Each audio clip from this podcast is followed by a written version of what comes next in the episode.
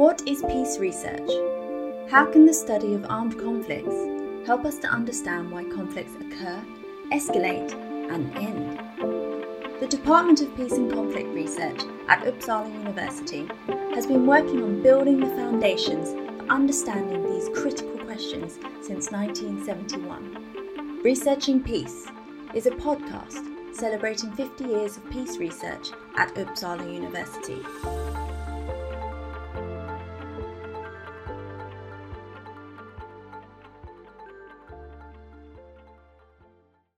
Welcome to Researching Peace. I'm Isak Svensson, and today I'm really glad to be welcoming Prakash Bhattarai and Karen Brounéus. Prakash Bhattarai holds a PhD in Peace and Conflict study from Otago University in New Zealand and is the founder and director of the Center for Social Change in Nepal. Karen Brounéus is associate professor at our department and a clinical psychologist. Welcome both. Thanks for being here. Thank you for inviting us. Thank you. Today, I want to talk with you about the perils of doing field research when we study peace and conflict. I also want to talk with you too about the ethical challenges involved. And our listeners may recall that we have talked about these themes previously in the pod. So we are returning to these important issues now. I also want to broaden the discussion somewhat to hear more from the Global South in terms of how peace research in general and particularly at Uppsala is perceived and what role it can play. But first, I want to know more about you and your journeys to peace research. How come that you became peace researchers? Karen, do you want to start? Sure, thanks, Isak. It's very nice to be here and to see you, Prakash, around this interesting topic and one that we, the three of us, have worked on together for quite a long time now. So, for me, um, my journey to peace research started when I studied psychology in uh, Uppsala this was in the mid 1990s, and I took a few courses at the Department of Peace and Conflict Research and thought that was very interesting. But then at that time, there was very little micro level perspective in peace research and very little psychological perspectives. So, after having graduated as a clinical psychologist, I went away a while, worked a, a while as a clinical psychologist, and particularly the experience of working with refugee women and children at the UNHCR in, in New Delhi in India made me really want to bring in a psychological perspective into peace research. My perhaps a bit naive hope was to, in some small way, uh, help make a better world and to in some way contribute to hindering the horrendous effects of war for people. So I reached out to Peter Wallensteen, and he also thought there was a need of psychology in peace research. And so my path began after a few years uh, when I began doing my PhD at the department in Uppsala. What about you, Prakash?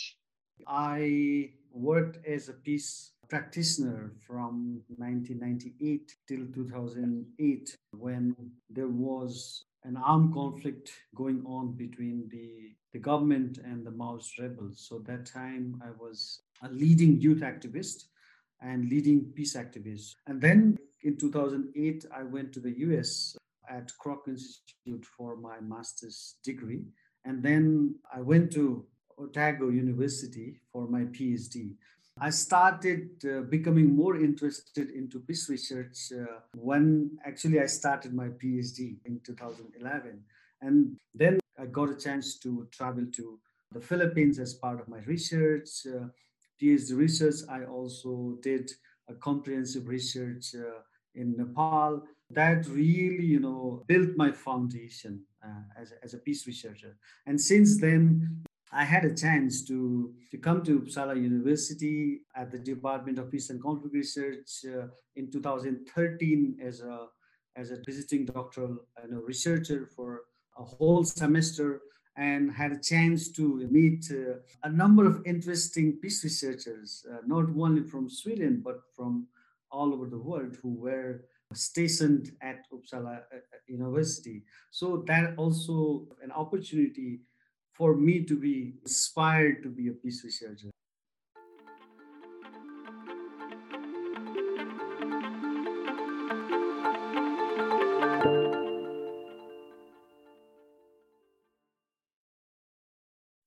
Thank you both for sharing. It's fascinating to hear about your, your journeys. You have both been involved in gathering data and conducting both interviews and focus group discussions in the field, including in post war Nepal. Can you tell us some of the challenges doing this? When it comes to peace research uh, at ground, two things I've realized. The first thing is there are some conceptual difficulties and there are some operational difficulties while conducting peace research in the field. When it comes to the conceptual difficulties, I found that capacity and the resource and the, the lack of dedicated institutions and the mindset as four hindering factors for peace research. Despite all conflicts and armed violence that we experienced uh, in Nepal, peace research has not yet been established as an important research domain like other social science disciplines like sociology or anthropology or other fields. So those four things that I mentioned, this capacity, resource, dedicated institutions, and the mindset, I just want to briefly highlight like what do I mean by capacity and, and other stuff. So when it comes to capacity, I think it involves the lack of adequate human resource, like who could give like 100% of their time and effort in advancing peace research. And also capacity involves the issue of like methodological know-how, how to conduct uh, peace research with adequate methodology. So I think um, peace research requires some sort of spatial sensitivity. It's not you know kind of market research or kind of general research. It requires some sort of spatial sensitivity. And to, to, to realize that sensitivity, it's really important to have a better capacity. So I think the capacity gap is quite huge in a country like Nepal. So the number two is resource, and resource means the financial resource. So when it comes to the financial source, what I've realized that there is almost non-existence of locally available resources for peace research. And whatever peace research we are doing in Nepal, in the global south, is we have to mostly rely on overseas funding or collaborative effort like we we did, you know, like Uppsala and CST did in the past. So I think that the resource gap is also one of the fundamental gap that I've observed. The third one is the dedicated institution. That is also very, very important for peace research. So dedicated institution means that we require a strong academic institute or independent think tank or also the policy institute who are dedicatedly engaged in peace research. So we have like academic program in peace and conflict studies in Nepal, but the problem is it's very much teaching focused rather than the research focused. And we lack that independent think tank who does peace research. So that's the third gap I have observed. The fourth one, and very important, was the mindset, the mindset gap. Peace research is needed, like when there is an active armed violence. What I've realized is that there is a kind of mindset among the people that we need to conduct peace research when there is an active violence, active armed violence. And when there is no violence, when there's just negative peace, then there is a kind of mindset that we don't need research, we don't need intervention. So I think that's also quite a big gap. And also the policymakers, the politicians, uh, private sectors, and development agencies have not paid much attention in investing in peace research. To make peace research like kind of dynamic you know, and vibrant, it's very important to have the engagement of local actors, uh, which we are very much lacking. And also, as I mentioned already, that it's been a kind of seasonal research, you know, like when we had armed conflict from 1996 to 2006, or the beginning, you know, phase of peace settlement period, there were a lot of research happening about Nepal peace process, DDR, gender. And then when the conflict is kind of over, when the armed conflict is over, and when we move towards the settlement phase, then not much research is happening. So I think these four are very, very foundational when it comes to the, the conceptual issues around the peace research. A few points regarding the operational challenges. The first one is preparing a dedicated, psychologically strong, and well informed research team to work on a complex social political environment. Because we do peace research in a very complex and volatile political environment, and we need to deal with uh, the conflict victims, you know, uh, at, in some cases, even perpetrators of the conflict. So, to deal with that kind of people, I think we need a very strong team, and building that strong team to conduct peace research is a kind of challenge that I encountered, that I have experienced. The second thing which I found very challenging is building trust with local communities where we're going to conduct our research.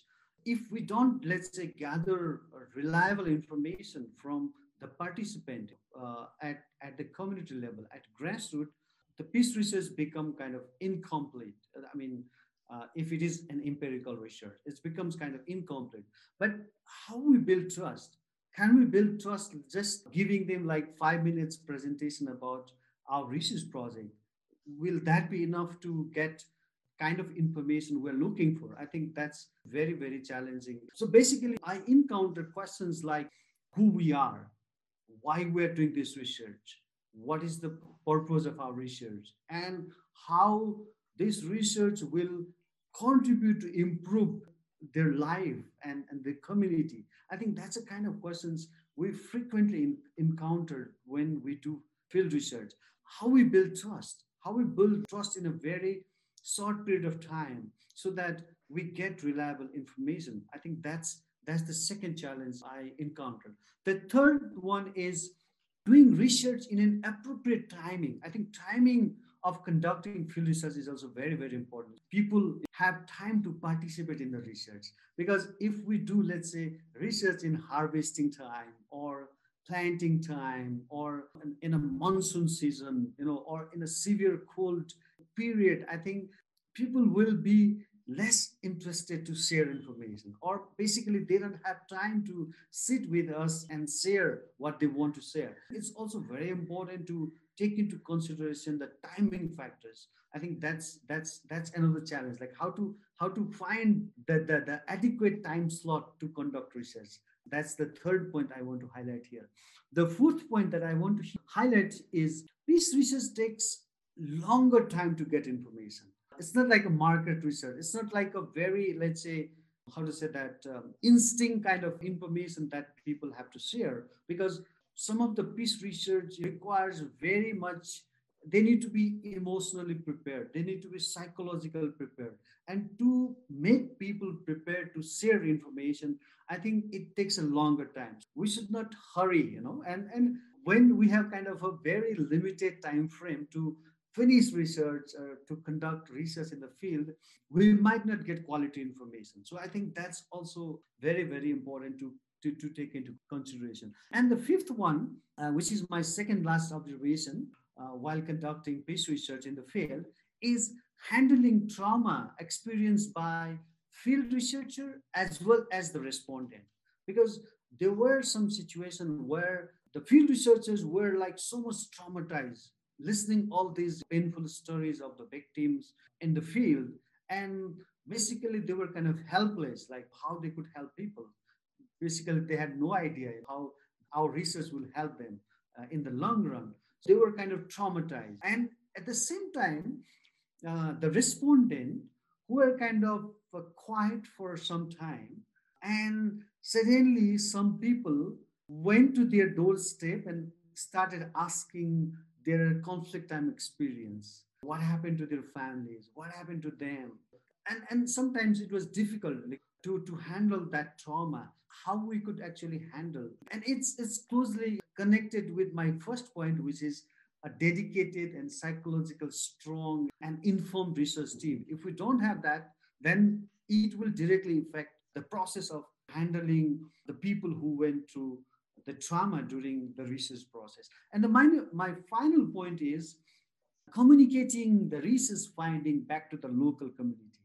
Because often we heard from people like when do we when do we get the result and when do you when do you share back to us there were a significant number of people who were quite curious about the final result so i think how we communicate them how we communicate them in in their own languages how we communicate them in their own context. I think that's also very very important. When we communicate some people take it positively. They found the result what they expected, but some people also take our results negatively, which is uh, which is against their expectations. So I think managing expectations when we communicate the research findings and and managing kind of uh, the contradictory you know opinions of the of the people i think that's also something uh, very important to take into consideration so i think these are some of the operational challenges i can highlight here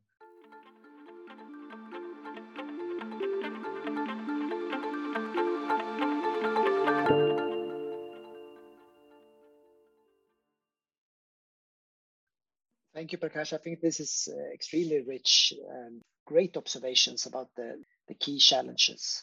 I turn to. Uh, what is your perspective on, on the key challenges when it comes to doing peace uh, research in the field? I think Prakash has covered everything uh, extensively and uh, eloquently. I was actually going to say on your first observation there, Prakash, on the conceptual challenges of uh, capacity gap and resource gap, etc., and what you tied to in the end with the communicating research back to the communities. That is a challenge for us in peace research. How we communicate what is peace research and what can it do for the communities? Can we do something through our research that will help build peace? And that's really an um, a, central responsibility that our field has, and that we to date, I think, have not recognized as a key feature of everything we do. So, in one of the projects that we have worked together on, Prakash and, and uh, us, uh, our, our, colleagues in Uppsala, Erika Forsberg, our good colleague, and I and Prakash together. So there, this was a key feature that we realized in the beginning of our field work that we had failed to develop a really solid communication strategy together with the communities that we were working in. Because if we are going to have any chance to make our research useful, uh, which we would hope uh, that is the end result of our research, that it actually can help build peace in the communities where we are, then we have to be clear about how can this help so that also what you said prakash so that when our uh, interviewers come out to our interviewees to ask questions that they are completely clear about what is the potential for this research to actually help? Because that's a huge difference to sit there and talk about difficult traumatic experiences, even though we do our utmost to design the research in order to avoid any approaching of that edge of kind of awakening traumatic experience. Yeah, but just so that we can communicate what can we expect, what are we hoping, what are the aims of this research, and to have grounded that together with our communities that we are working in so that it makes sense locally, both what we are doing, why we are doing it, and how this may help in the end. So I think that of communication is a really important point, both when it comes to closing that gap between capacity and resources and why is this important? We have to be able to say why this is important and uh, also then for the, the people we involve in our research. That is our ethical responsibility, I think, to be able to, to tell them. And it is, I think, to date in our field, uh, communication has kind of come in as a very at the end kind of um, appendix. We, it's nothing that we have a culture or a custom of weaving in from the beginning in our research. Hopefully that changes now. Certainly in our research, it has changed. Now it will be front and center after the experiences we have had in Nepal. So I wanted to ask you about the role of, of doing mistakes when, when doing research. And you have advocated for the need to build a research culture of reflection and honesty, which includes the sharing of mistakes. Why do we need such a research culture in peace research? Why do we need to be open with the, the kind of mistakes that we are that we might be, be doing. Prakash and Erika Forsberg and I have recently submitted a piece that we have entitled The Bumpy Road of Peace and Conflict Research Reflections on Sharing Mistakes in Fieldwork. And in this piece, we argue that there's a very positive uh, development in our field regarding an increasing awareness of the imperative of ethical reflection before and during and after field work. But the rocky road of actually doing the field work in conflict settings and post conflict settings, that is seldom part of our polished articles. So the messiness, the ethical dilemmas that we have heard about here, our hesitations, our mistakes, our regrets, they remain hidden. Maybe we talk about them in our offices together or in the corridors of the big international conferences, but there's no systematic sharing of, of these aspects of fieldwork. And so in this paper, we argue that needs to change. I think it's time for our field in peace research to, to join actually other fields right now, um, like in neuroscience and psychology, who are taking self reflexive footsteps, new footsteps towards building a, a, research culture of reflection and honesty. That also includes the sharing of mistakes. Because if we do not, then we will inevitably continue to make the same mistakes over and over again if we just hide them and don't communicate on them and what we learned from them that kind of reflexive honesty will make our research sustainable ethically and, and scientifically and financially in whatever way you will but uh, so i think that's really key. There is one say about the pilot. Pilot cannot make a mistake but pilot has to learn from others mistake. So if the pilot make mistake then the plane will be crashed. So i think research is like a pilot. We have to learn from others mistakes the article that uh, Erika, and myself have contributed, I think uh, that's also kind of an initiative to awaken other people not to do mistakes at uh, you know while doing peace research at ground. So I think we have to be well prepared. That's why I'm telling. That's why you know I'm emphasizing that peace researchers need to be well prepared. We need to fulfill all the ethical consideration and we also need to be well prepared before we conduct research in the field.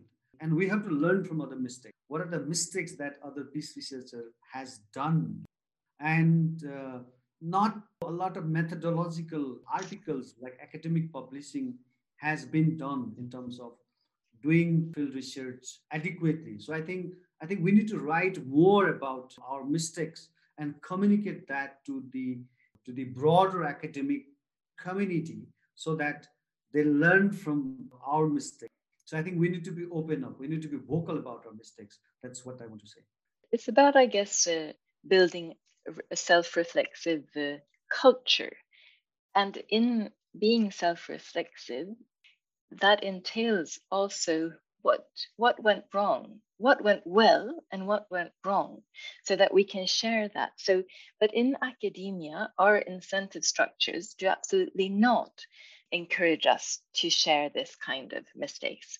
It so in neuroscience and psychology they are arguing that our academic structures actually increasingly make us hide what went wrong as researchers because it doesn't our systems do not nurture that kind of openness and self criticism and kind of humility that's involved in seeing that this is difficult and we have to learn from each other so that we don't make the same mistakes over and over again. So we need systems that and to build cultures that nurture and and reward honesty and truthfulness and transparency. And how can this be done? In what way should research the coming 50 years be done in, in order to be more self-reflective, more honest, more sort of acknowledging of the the messiness and, and the, the mistakes when, when doing research? To be able to acknowledge difficulty, we need to be really grounded in ourselves and to really work in this field with our hearts, from our hearts. I know Peter Wallensteen, he often says that as medicine strives to cure disease, we in peace research strive to, to cure war ridden societies. And for that, we need both hearts and minds. We need to be there with our, with our souls. And I think that it's important to remember why are we doing this? Is this to get more research funding? Or is this to actually try to contribute to building peace? And how then is that done? So I think this, with the 50 years of, of peace research at our department, is a really excellent time of taking stock. Where have we come from? Where are we today? Are we where we think we should be? Uh, and where are we going? Those are not easy questions, and I don't have an answer. I have my own kind of reflections on that, but yeah. Thank you so much, uh, Karen and Prakash, for involving in this discussion. I learned a lot from it. It was very inspiring. And, and thank you in particular for your call for rethinking what peace research is and how it can be done. Thank you, Jack, for inviting us to speak. It's been very interesting conversation. Thank you very much. I've enjoyed participating with the both of you. Thanks. And thank you all for listening to Researching Peace.